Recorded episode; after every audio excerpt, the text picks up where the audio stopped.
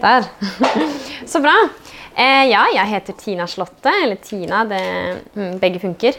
Eh, og er ungdomspastor i en kirke i Porsgrunn som heter Arena. Så Arena Ung er liksom eh, eh, gjengen, da. Så ja, jobber som det egentlig. Syns det er veldig, veldig gøy. Og så studerer jeg teologi. Eh, og så gjør jeg et par eh, andre ting, men det er liksom i hovedsak det, da. Syns det er veldig ålreit. Em, jeg fikk jo spørsmål om jeg kunne snakke om disippelgjøring. Eh, og det tenker jeg at eh, Jeg jobber jo som ungdomspastor. Eh, og som jeg sa, så har jeg vært eh, i Oi, pass på sånn mikrofon. og så har jeg også vært i Ungdom i oppdrag, og da har jeg vært med på en sånn disippeltreningsskoler. Både vært med som leder, og jeg har tatt en skole selv, og vært med som leder og undervist. Så liksom disippelgjøring, det tenkte jeg sånn, det eh, føler jeg at det burde jeg kunne litt, da. Men disippelgjøring, det, det ordet for meg syns jeg er litt skummelt. Så selv om jeg på en måte har vært i disse ulike arenaene hvor det er fokus på disippelgjøring, så syns jeg at det, det er litt sånn, et litt sånn vanskelig ord, rett og slett. Eh, selv om jeg står i det hver dag. Men for meg så liker jeg på en måte å ta det litt ned sånn på jorda.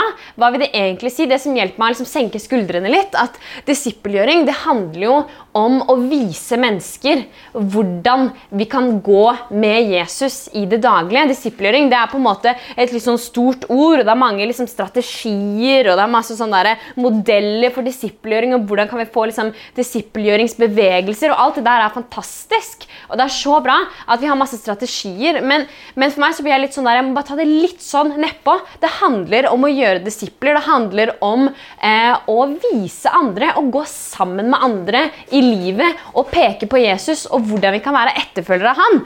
Og for meg, når jeg ser det på den måten, så er det sånn, det er jo det her jeg brenner for. At folk skal få lov til å virkelig kjenne Jesus, da, og at det skal bety en forskjell i livet deres. Så når jeg ser på det liksom fra den vinkelen, så er jeg sånn Ja, vet du det her det kan vi liksom eh, dykke litt dypere inn i. da. Det er ikke så skummelt som det kanskje virker som. liksom da. Um, så jeg skal be en bønn før vi går inn i det. Så eh, kjære far, takk for at du er her. Takk for alt det du gjør i Kragerø. Takk for at du er her med din ånd. Der to eller tre er samlet, der er du midt iblant oss, far. Så jeg bare ber om at du må snakke til oss i kveld. Ber om at du må tale til hjertene våre og vise oss noe nytt, Gud. I Jesu navn. Um, Matteus 28. Eh, der står det Gå derfor ut og gjør alle folkeslag til disipler idet dere døper dem til Faderens, Sønnens og Den hellige ånds navn, og lærer dem å holde alt det jeg har befalt for dere. Og se, jeg er med dere alle dager inntil verdens ende. Altså, Bibelen sier 'gå derfor ut og gjør alle folkeslag til disipler'. Og det er det siste Jesus sier før han drar opp i, eh, til himmelen, er at det, det er det viktig. Det er viktig eller sånn Før man dør, de siste ordene man har på måte på den tiden, det var viktige ord. Så det her var det siste som Jesus ville formidle til sine disipler før han dro opp til himmelen og på en måte forsvant. da. Så det, det, er viktige ord, og de viktige ordene de velger han å bruke det at dere gjør alle folkeslag til disipler. Og det er en allmenn kommando til alle mennesker at vi alle skal gjøre mennesker til disipler. Og så kan man tenke at det er noen som er veldig sånn, de har veldig gave i liksom det å connecte med folk. og De liksom, de detter inn på en kafé, og liksom plutselig så er de i samtale med noen som, om Jesus. liksom, Hvordan får de til det der greiene der? liksom? Og man tenker at Disippelgjøring er for de liksom, som er skikkelig gode på det. Men faktisk så ser vi at det er for alle. Jesus kaller alle til å gjøre disipler. Så det med at man tenker at disippelgjøring er bare for noen, den tanken må vi faktisk legge på hylla, for det er ikke en sannhet. Vi alle har noe vi kan gi og det er et universelt kall, uavhengig av vår personlighet eller gaver eller utrustning. da. Eh, og så står det, Hvis du går på neste, så har jeg highlighta noe som jeg syns var viktig. da.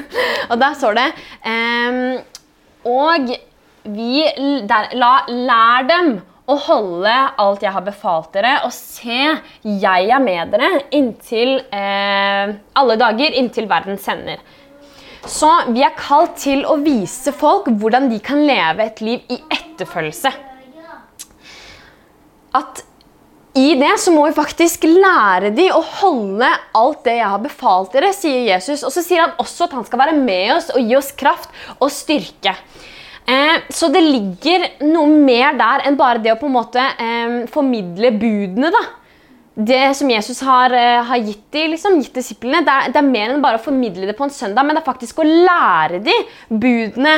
Og i det så tror jeg, det, jeg tror det ligger i hverdagslivet. da.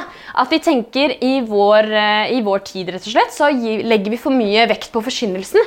Og vi tenker at hvis man kommer på kirka og får høre sannhet, så endrer livet seg. uh, men det tror jeg ikke er sant. Jeg tror at det, livet det endrer seg i det man går når man går sammen og lærer hverandre sammen. Hvordan kan man lære? Det er ikke bare eh, sånn, Man har ulike sånn, strategier i klasserommet som lærere. og sånn. Det er mange måter For at måte, det virkelig skal gå inn, så holder det ikke at man bare sitter og lytter. Og jeg tror at Nøkkelen den ligger i at vi går sammen som kristne og lærer eh, å holde det Jesus har befalt oss. da. Jesus selv han var jo den beste disippelgjøreren. Han gikk jo sammen med disiplene sine i tre år hver eneste dag. Sammen med disiplene. Og jeg tror Det er en måte som, som vi kan lære av. at okay, Hvis det var sånn Jesus gjorde det, så uh, da på en måte skal vi finne opp en ny modell. Liksom. Jeg tror det er så viktig å, å, se hvordan gjorde Jesus det. Ok, Hvordan kan vi ligne? Hvordan kan det se ut da i vårt liv i dag? Um, og så står det i 2. Timoteus Er den der? Ja. yes. Uh, så står det Det du har hørt av meg i mange vitners nærvær, overgi det til trofaste mennesker som også er i stand til å lære andre. Så det vi leser, er at det, det vi har hørt, og det vi har på en måte opplevd og lært, det har vi faktisk eh, en oppgave i å gi det videre til andre, sånn at de igjen kan gi videre, sånn at de er det også er i stand til å lære andre. Så vi har et ansvar alle sammen, da.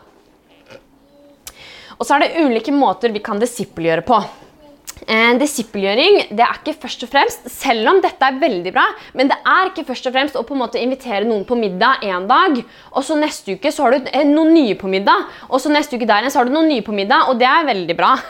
Men det er ikke disippelgjøring, for disippelgjøring handler om å gå sammen med mennesker over tid. At vi kan lære dem over tid og på en måte holde ut. Jesus gikk med disiplene sine. Han valgte ut tolv, og så var det 70 av de 70 andre som hang seg på.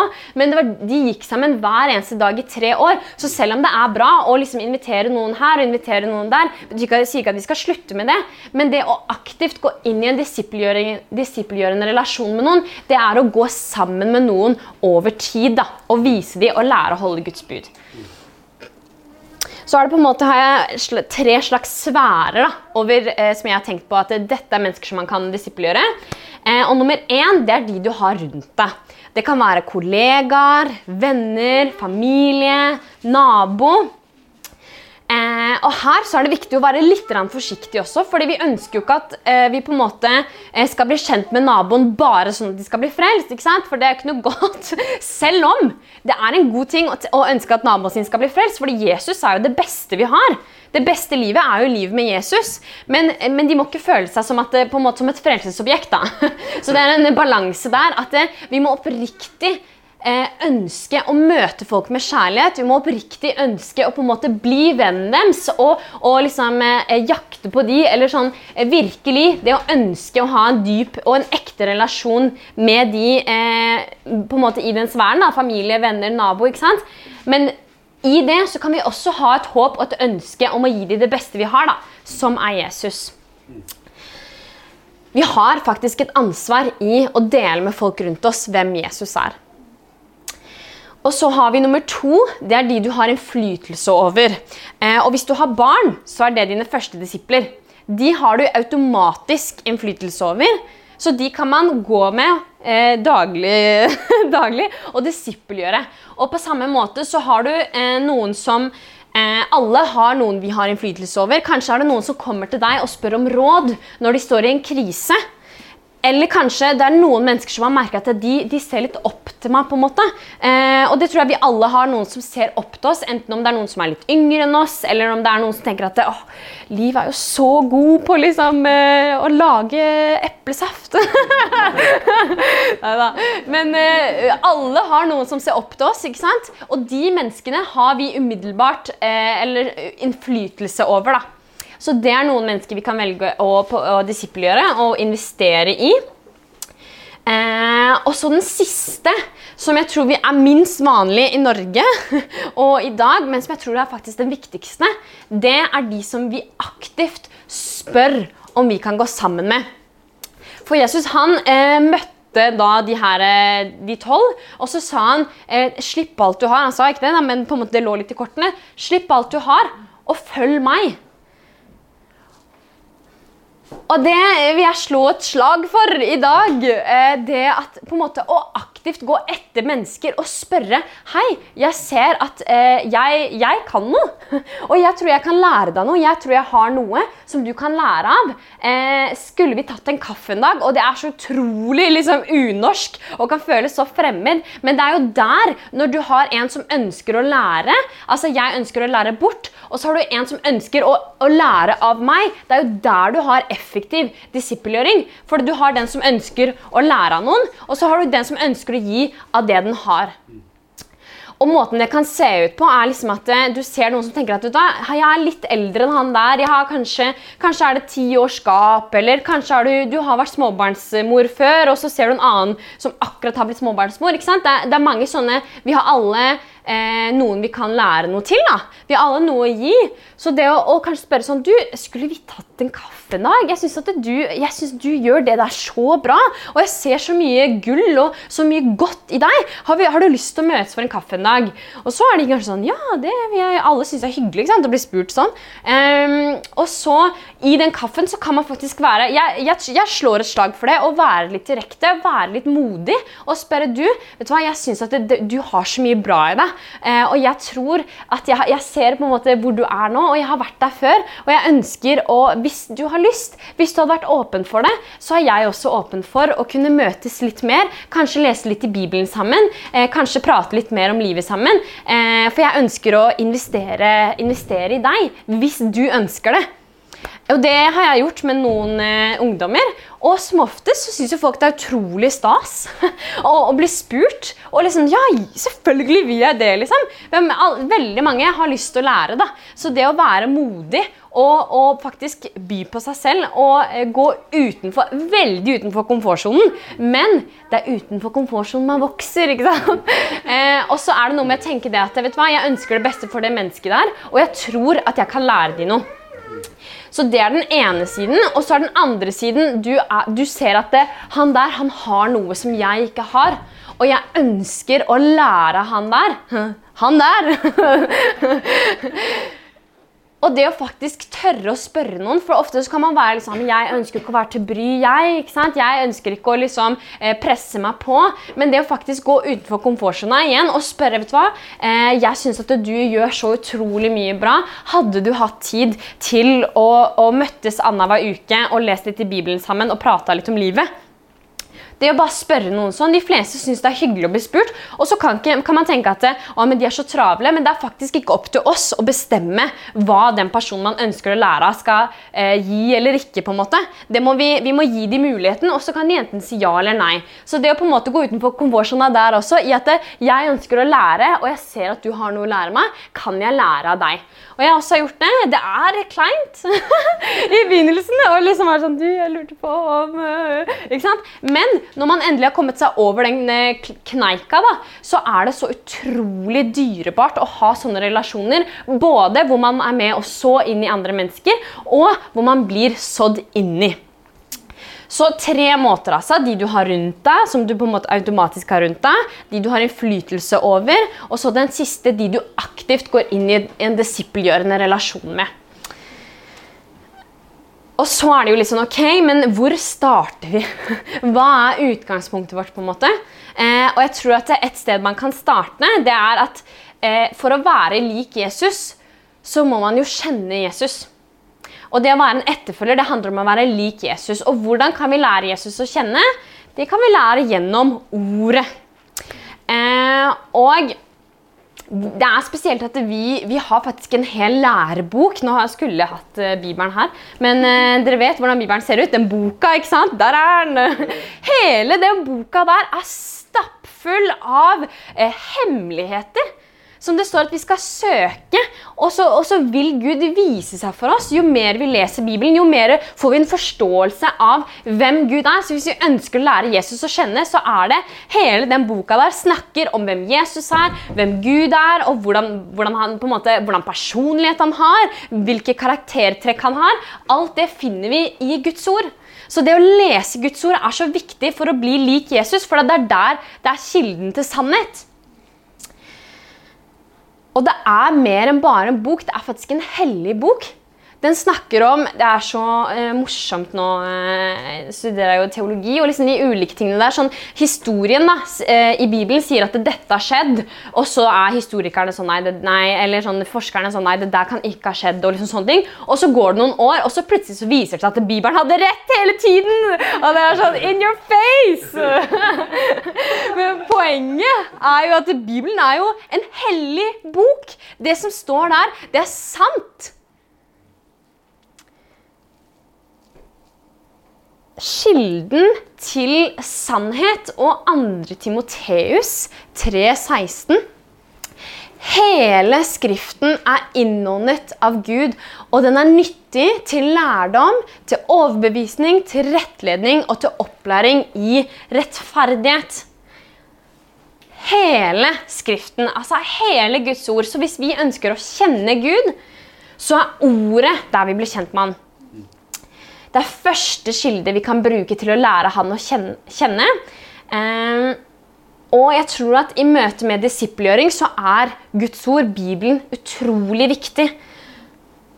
For det, det, sies at det er de som blir værende, og som på en måte er eh, etterfølgere, ikke bare når de er ungdommer, men som blir værende i troen, det er de som leser Bibelen. Så det er noe over Bibelen som er så utrolig viktig for å bevare troa og for å, det å fortsette å være en disippel livet ut. Jeg tror Bibelen er mer kraftfull enn det vi tror. Matteus så snakker det om å bygge huset sitt på fjell. Så Matteus 7 så står det ja, Derfor, vær den som hører disse mine ord og gjør etter dem, han blir lik en forstandig mann som bygde huset sitt på fjellgrunn. Og regnet skylte ned, og flommen kom, og vindene blåste og kastet seg mot dette huset. Men det falt ikke, for det var grunnlagt på fjell. Men den som hører disse mine ord og ikke gjør etter dem, han blir lik en uforstandig mann som bygde huset sitt på sand. Og regnet skylte ned, og flommen kom, og vindene blåste og kastet seg mot dette huset. Og det falt, og fallet var stort. Vi må lære folk å bygge huset sitt på fjell, på en stødig grunn. Og jeg tror at Når vi bygger eh, huset vårt på Jesus, når vi lærer han å kjenne, da bygger vi huset vårt på fjell. Sånn at senere i livet, når stormene kommer, så har vi en stødig grunn, så ikke huset vårt faller. Og så er det en felle vi kan falle i eh, når det kommer til disippelgjøring av andre mennesker. Og det er at de blir disipler av oss, og ikke av Jesus. Og den er litt tøff. eh, fordi det kjennes godt å ha noen som ønsker å lære av oss. På en måte De ser opp til oss og tenker at wow, jeg har lyst til å bli som han eller hun. Eller, eh, og det, det kjennes godt, men det er viktig at vi er forsiktige. Fordi vi ønsker ikke at folk skal ligne på oss, vi ønsker at de skal ligne på Jesus. Og så kan vi jo snakke om det nå og tenke at det selvfølgelig liksom, det er en selvfølge, men i, i den situasjonen da, så kan det være vanskelig det å liksom alltid peke på Jesus. Og når jeg aktivt liksom ble, da en eh, periode i livet mitt aktivt ble disippelgjort av en spesiell dame, eh, så kom jeg ofte til hun med problemene mine. Og så var jeg sånn Jeg skjønner ikke dette, og hva skal jeg gjøre, og hvordan henger det her sammen? Og da sa hun til meg hver gang Tina, har du spurt Herren? Og da var jeg sånn ah, søren! det har jeg glemt! og det er liksom, Jeg gikk og, og, tenkte på de tingene her. Jeg tror vi mange kan gjøre det. Vi går og tenker og tenker og tenker, men har vi egentlig spurt Gud? Har vi egentlig spurt hva Gud tenker? Går vi først til å spørre ja, du, jeg trenger råd? Eller har vi egentlig gått til han som først og fremst er eh, vår rådgiver, Jesus? Vi, går vi til han først før vi går til andre? Og det var det jeg lærte da i den prosessen. er at Det, det verste at jeg, det var mange ganger hvor jeg gikk liksom Du, Kaelin, jeg skjønner ikke helt Å, sa navnet hennes. Ingen hørte det. jeg skjønner ikke helt de greiene her. Eh, og hun var sånn Har du spurt Herren? Nei, søren, nå glemte jeg det igjen! Eh, men så på en måte lærte jeg meg det når jeg hadde en utfordring eller noe jeg syntes var vanskelig. Først Jesus hva tenker du? Hva tror du, Gud? Hva er riktig i denne situasjonen? Og ut fra det så fikk jeg kanskje litt rettledning, litt mer sånn pekepinn på hvor jeg skulle. Noen ganger så fikk jeg sånn OK, her skal jeg. Og andre ganger så var jeg litt sånn usikker, men da gikk jeg til hun med den Dette er det jeg opplever at Gud sier. Hva tenker du? Har du noen råd? Eh, og så er det mange måter vi kan høre fra Gud eh, i bønn. Når man på en måte spør Gud, hva tenker du? Ikke sant? Eh, inni oss. Så tror jeg at vi rett og slett bare kan spørre. vet du hva? Eh, det står i eh, Salme 34 eh, så står det at jeg søkte Herren, og han svarte meg. Han fridde meg fra alt det som forferdet meg. Altså, Det står at Gud han kommer til å svare oss. Gud svarer på bønn. Så det å bare spørre et spørsmål Gud, hva tenker du om den situasjonen her? Jeg synes Det er vanskelig å be betale regningene mine. Gud, hva tenker du? Eller uansett hva på en måte utfordringen vår skal være. Og så kan vi være stille og forvente at Gud snakker til oss. Det er én måte. Og så kan man tenke Hører du noe? får du en tanke? Eller får du på en måte en følelse? Og så kan man navigere ut fra det hva Gud sier. Det er én måte å høre fra Gud. Det er mange måter å høre fra Gud, men det var det. har ikke tid til å gå inn i det. Men en annen måte det er også igjen gjennom ordet. For det alt vi hører fra Gud, alt det på en måte som er ja, dette er fra Gud, det må stemme overens med Guds ord. Det er så utrolig viktig at Guds ord er kilde til sannhet. Så hvis du hører noe fra Gud som ikke stemmer overens med Guds ord, så er det ikke fra Gud. det er sånn lett pekepinn hvor man kan se stemmer dette overens. Og Jeg vet ikke med dere, men sånn jeg kan lese Guds ord noen ganger, og så leser jeg, og så er det et vers som snakker akkurat inn i den situasjonen som jeg står i der og da. Den taler liksom akkurat, men Det er akkurat sånn jeg har det. sånn David i salmene, f.eks. Akkurat sånn har jeg det òg. Eller man leser et bibelvers som er sånn spot on inn i livet vårt. Det er én måte Gud kan tale til oss gjennom ordet på. En annen måte Gud kan tale til oss gjennom ordet på, det er å lære å kjenne Guds karakter. Og ved at vi lærer å kjenne vet du hva, Gud han er ikke sånn um, han, er ikke på, han kommer ikke med frykt, men han kommer med kjærlighet. Ok, jeg vet at det, Nå kommer det en sånn slags frykt over meg som er kjempe liksom, grusom og fæl. Ok, Da vet jeg at den er ikke fra Gud, for det er ikke lik Guds karakter. Så det er også en måte vi kan lære å liksom høre fra Han. Og så er det ikke bare eh, Det er på en måte ikke bare Guds ord, men det er også for oss. Det står at ditt ord det er en lykt for min fot og et lys for på min sti. Og det er så godt å kjenne Guds ord. Og det å lære folk å bygge på fjell, det er så viktig. Og jeg tror at en av de måtene det er å lese ordet og bli kjent med Jesus gjennom Bibelen. At det vi bygger på, det er solid. At vi rett og slett bare streber etter å kjenne Gud. Og i det så tror jeg at Gud kommer til å vise oss mer av hvem han er. Det er jo mange ting man kan snakke om, eh, snakke om i dag når det er med disippelgjøring, men jeg har valgt å fokusere på to ting. Det er Bibelen, Guds ord, hvor viktig det er i eh, disippelgjøring. Og nummer to, det er hva gjør vi når vi går med mennesker, og så ser vi synd i livet deres? Disippelgjøring i møte med synd, det er litt vanskelig. um, Fordi når vi går med folk eh, som er på et annet sted i livet enn det vi er, eh, så er det, kommer vi til å se ting i livet deres. Vi tenker at det der, eh, der kan Da ser jeg at det er et lite sånn eh, problem der, ikke sant? Um, men så står det Johannes den her er ikke på skjerm, så dere får bare høre godt. Det står Johannes 16, 7-8. Men jeg sier dere sannheten.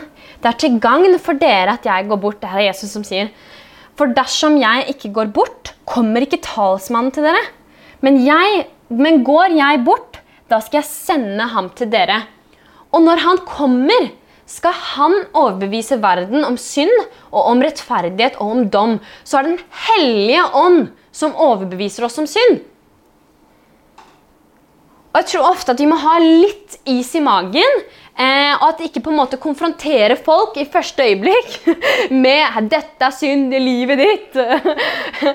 og eh, vi gjør det ikke en tjeneste på en måte når vi konfronterer dem med synd. Boom! Der, der, der, der, der og der. Eh, har du synd liksom, i livet ditt? Det må du gjøre noe med. Og det høres litt sånn der, Ja, selvfølgelig så skal man ikke gjøre det. Eh, men det er litt vanskelig noen ganger. Når man går tett med folk, og så ser man at hvis du bare hadde gjort det her litt annerledes, så hadde livet ditt vært så utrolig mye lettere. Men det å faktisk da ha, vite at det er Den hellige ånd som overbeviser om synd, og vite når er timinga til å tale inn i det, og når er timinga til å være stille. Fordi det er sannheten som setter oss fri. Og et liv i synd, det er jo ikke et godt liv. Synd det drar oss vekk fra Gud. Og det er en grunn til at Gud valgte å sende sønnen sin til å dø for oss, til å sone vår straff. Det er jo pga. synden vår. Fordi han ønsker, han lengter etter å ha en relasjon med oss. Og han har kjøpt oss fri fra synd. Så synd det ødelegger oss, og det drar oss vekk fra Gud. Vi må ta det seriøst. se det i øynene og se at vet du hva, det her det er ikke godt. Uansett hvor fristende eller bra eller gøy det virker, så er det ikke godt. Det bringer faktisk død inn i livet vårt. Og sannheten er jo at Jesus han har sona den straffen for oss. Spennende. um, og gjort oss sånn at vi gikk fra å være slaver til synd til å være slaver til Jesus.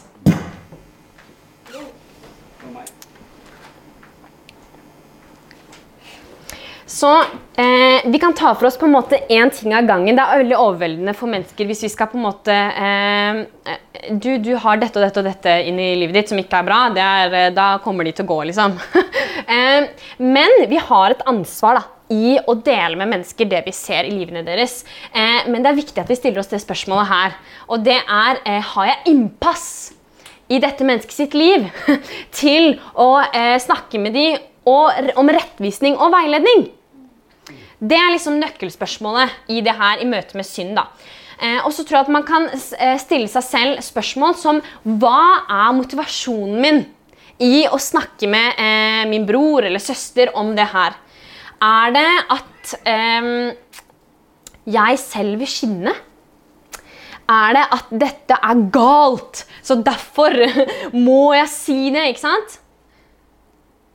Eller er det at vi oppriktig ønsker av kjærlighet, og, og på en måte vi vet at det synd det, det, det, tar fra oss? Er det at, på en måte ut fra kjærlighet at vi ønsker å snakke med det her mennesket? Og Hvis det er ut fra kjærlighet, da, da tenker jeg, da er man på et godt sted i forhold til motivasjon. da. Eh, og så må man også stille seg spørsmålet at eh, er den personen jeg snakker med, i stand til å ta imot det rådet som jeg har å komme med? Og så kan man stille seg spørsmålet stemmer det overens med Bibelen. ikke sant? Det er også veldig viktig. da. Eh, og greia er at Vi må alltid peke på Jesus. Det er målet vårt som en som disippel gjør. Og så er det viktig å vite hvilke innpass vi har i folk sitt liv før vi kommer med rettledning. Men vi er kalt til å rettlede hverandre som Kristi kropp. Og for meg, når jeg har gått med, gått med mennesker, tett med mennesker, så eh, har jeg en, eh, en, veldig god strategi, og det er å spørre Den hellige ånd! Fordi vi, vi, som kristne vi skiller oss ut. Det er liksom ikke bare én på en måte modell eller det er ikke bare én svart-hvitt måte å gjøre det på, men vi har faktisk Jesus som bor på innsiden av oss. Han er levende, og han bor i alle oss som tror. Så i det møtet, med på en måte når vi ser ok, hva skal jeg gjøre i den situasjonen her, Jesus, vi spør Den hellige ånd, og han kan på en måte sette lys på spørsmål som vi skal stille, og måter vi skal gå fram på. Er dette noe jeg skal snakke om nå, eller er dette noe jeg skal være stille om? Den hellige ånd han kan vise oss. Og det tror jeg vi skal ha tro til. Og for meg så var det annet når jeg gikk med eh, en litt yngre jente, så var jeg Hun hadde eh, et veldig sånn dårlig selvbilde, merka jeg da. Eh, og så var jeg litt sånn, visste ikke helt hvordan jeg skulle ta tak i det, men, men en gang så følte jeg at ok, nå er tiden inne for å prate med hun om alle disse løgnene som hun tror på. Og vi satte oss ned, og vi skrev ned hver eneste løgn som hun opplevde. Sånn, jeg er ikke verdt noen ting, jeg har ingen som elsker meg. Forskjellige sånne løgner som hun trodde. Var en hel haug med løgner. Mm. Og så OK, nå har vi løgnene her. Nå, nå, bytter vi ut med Guds ord. Så finner vi et bibelvers på alle disse løgnene. som på en måte, Vi, plasserer, vi tar løgnene ut, og så plasserer vi det inn med sannhet. Og For meg så var det her virkelig bare Den hellige ånd som leda meg i det øyeblikket. Men det er så sterkt. Og så på en måte glemte jeg det litt, og så ferdig, liksom. Men for henne så ble det så viktig. Og hun la ut en eh, sånn video på Instagram her for ikke så lenge siden, to-tre år etterpå, hvor hun snakka om akkurat det øyeblikket. Var sånn, når jeg var så så gammel, så var det noen som så meg, og som satte satte meg ned, og som skrev, vi skrev opp alle løgnene, og vi bytta det ut med sannhet. Og det betydde så mye for meg, og nå ønska hun å gi det videre til andre. Og det er helt fantastisk hvordan jeg på en måte i det øyeblikket bare lytta til Den hellige ånd og gikk for det og glemte det litt. Og så kan det ha så mye å bety i et menneske sitt liv. Så la oss ikke undervurdere det Den hellige ånd kan gi oss, som vi kan gi videre til andre. Og så har vi også det at Jesus han svarte som oftest på spørsmål med spørsmål. Og det er også en fantastisk teknikk når vi møter mennesker. Eh, og vi spør du, hvorfor, hvorfor gjorde du det? Eller hva tenkte du da? Eller hva tenker du om det nå? Hva får det deg til å føle? Spørsmål som det her i møte med, med synd. da. Vi hjelper den vi går sammen med, og selv komme til svaret. For det indre overbevisning det er den sterkeste måten å se forandring på.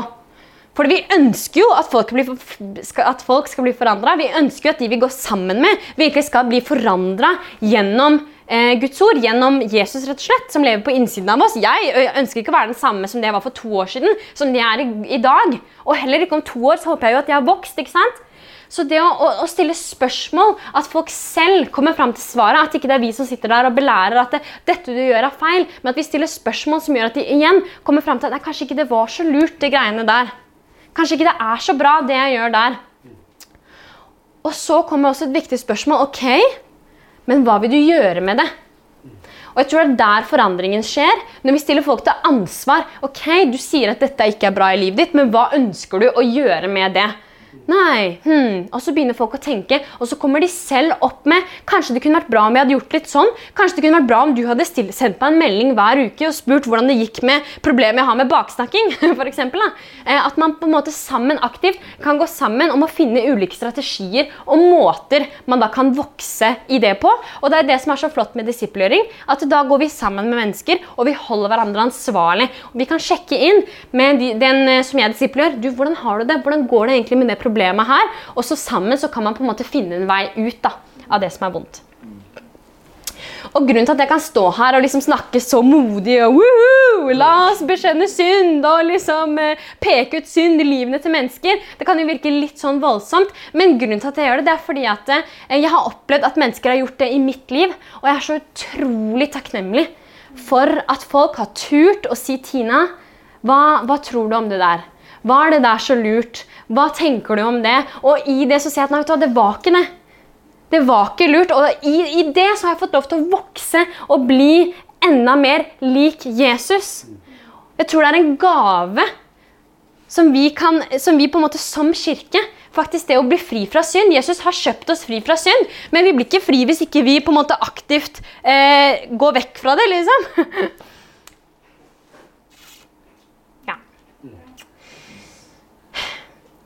Og så tror jeg det er viktig at vi også selv Det er liksom litt sånn rødt flagg hvis noen er eh, disippelgjør veldig mange andre, men så har de ingen som disippelgjør seg selv. Det er viktig. Vi trenger alle å lære. Ja, vi alle er fullverdige disipler når vi følger etter Jesus, når vi er en etterfølger av han, men vi er ikke perfekte. Vi er ikke ferdig utvikla. Så det å hele tiden ha mennesker som også disippelgjør oss, når vi disippelgjør andre. Det er så utrolig viktig at vi har noe som på en måte kan helle inn i oss, og vi kan helle inn i andre igjen. Uansett hvor gammel man er, uansett hvilken sesong av livet man er, så tror jeg det er kjempeviktig å ha noen som kan litt mer enn oss, som har gått litt lenger enn oss på øh, livet. Og så, de, så har de også innpass da, i å si at Jeg også har mennesker som har det. Innpass i å si at Tina, det der ser jeg i livet ditt, og det er ikke så bra. Og det har jeg på en måte spurt dem om, fordi jeg ønsker å leve et liv hvor folk kan på en måte si at det, eh, det der tror jeg du må jobbe litt med. da. Fordi, igjen, det er der på en måte vi kan utvikle oss, bli bedre og bli mer lik Kristus. Og synd det gir jo bare død inn i livet vårt. Uansett hvor godt det ser ut, så, eh, så er det ikke bra. eh, og det å ha noen som holder oss ansvarlig, da, og som faktisk har innpass i livet vårt til å peke på de tinga. Det er ikke alle som sagt som skal komme inn, og vi skal ikke gå inn i alle livene til alle og peke på ting, men noen har innpass. Noen må ha innpass. Det er viktig. Til slutt så eh, Ja. Igjen bare det eh, verset som vi starta med, med eh, Matteus. Gå derfor ut og gjør alle folkeslag til disipler. Idet dere døper dem til Faderens, Sønnens og Den hellige ånds navn og lærer dem å holde alt jeg har befalt dere, og se, jeg er med dere alle dager inntil verdens ende. Jeg tror det verset her, at vi kan eh, tenke at det liksom bare er for misjonærer, men vi er alle kalt til å gjøre disipler. Vi er alle kalt til å gå ut og fortelle mennesker som ikke vet, om hvem Jesus er. Om det er naboen, eller venner, eller kollega eller søster. Fortelle dem hvem Jesus er. Og så er vi kalt til å disippelgjøre mennesker og lære dem å holde Hva er det det står? Eh, alt det jeg har befalt dere. så det er et universelt kall som vi alle kan på en måte eh, bli oppmuntra av, fordi vi har en oppgave. Og det er godt å ha en mening med livet. Det å være i relasjon med Han. Det er derfor vi lever, fordi vi ønsker å være nær Jesus. Det er grunnen til at vi er skapt. Vi er skapt for å være sammen med Han. Og i det så kan vi gi det videre til andre, og det er en utrolig, liksom, eh, ja, en utrolig mening med å leve et sånn type liv. da. Så jeg ønsker egentlig å avslutte med en bønn og en utfordring. Eh, fordi jeg tror at vi alle har noen vi kan investere inn i. Vi alle har noen vi kan disippelgjøre. Eh, enten om det er de her tre ulike, om det er mennesker du har innflytelse over, eller om det er mennesker du på en måte nabo eller kollega eller sånn som du har rundt deg. Eller den siste som jeg slår et slag for, det å aktivt gå inn, spørre om noen kan disippelgjøre deg, spørre om du kan bli disippelgjort av de. Så jeg ønsker å be en bønn og bare spørre Gud. Eh, og jeg tror vi kan høre fra Gud. At han kan gi oss en tanke på mennesker som kanskje du ser for deg en person, eller du får et navn. Kanskje det er den personen du skal investere mer i og rett og slett gå inn i et aktivt disippelgjørende relasjon med. Jeg tror at Gud ønsker å snakke til oss i kveld. jeg tror Han ønsker å vise oss noen som vi aktivt kan gå inn og disippelgjøre. Så hvis du er med på det, helt frivillig, så eh, er det lov å spørre, spørre Gud, og kanskje du får et tanke eller et navn. Så kjære Gud, takker deg for at du er god. Takker deg for at du er her med ditt nærvær. Takker deg for den gaven vi har fått, som er frelse. Takker deg for at vi får lov til å leve et liv sammen med deg. Takker deg for at det er det beste som vi har i livet vårt. Det finnes ingenting bedre enn å være i relasjon med deg, far. Ingenting er bedre enn din kjærlighet. Ingenting er bedre enn at vi får lov til å være barn av deg. Takker deg, far, for den nåden du har gitt oss takker deg for at du døde på korset for oss, sånn at vi kan ha en relasjon med deg. Og dette er viktig, et viktig budskap. Og jeg ber deg, far, hvis det er noen du ønsker at vi skal eh, investere mer inn i, hvis det er noen du ønsker at vi skal disippelgjøre og aktivt gå inn i en disippelgjørende relasjon med, eller om det er noen vi har innflytelse over, eller som vi aktivt møter i hverdagen vår, ber om at du må vise oss nå, Jesus, et navn, en person eller fler på mennesker som du ønsker at vi skal disippelgjøre. Det kommer til å ta bare sånn ett minutt nå, hvor man kan høre fra Gud, og så avslutter jeg med en bønn.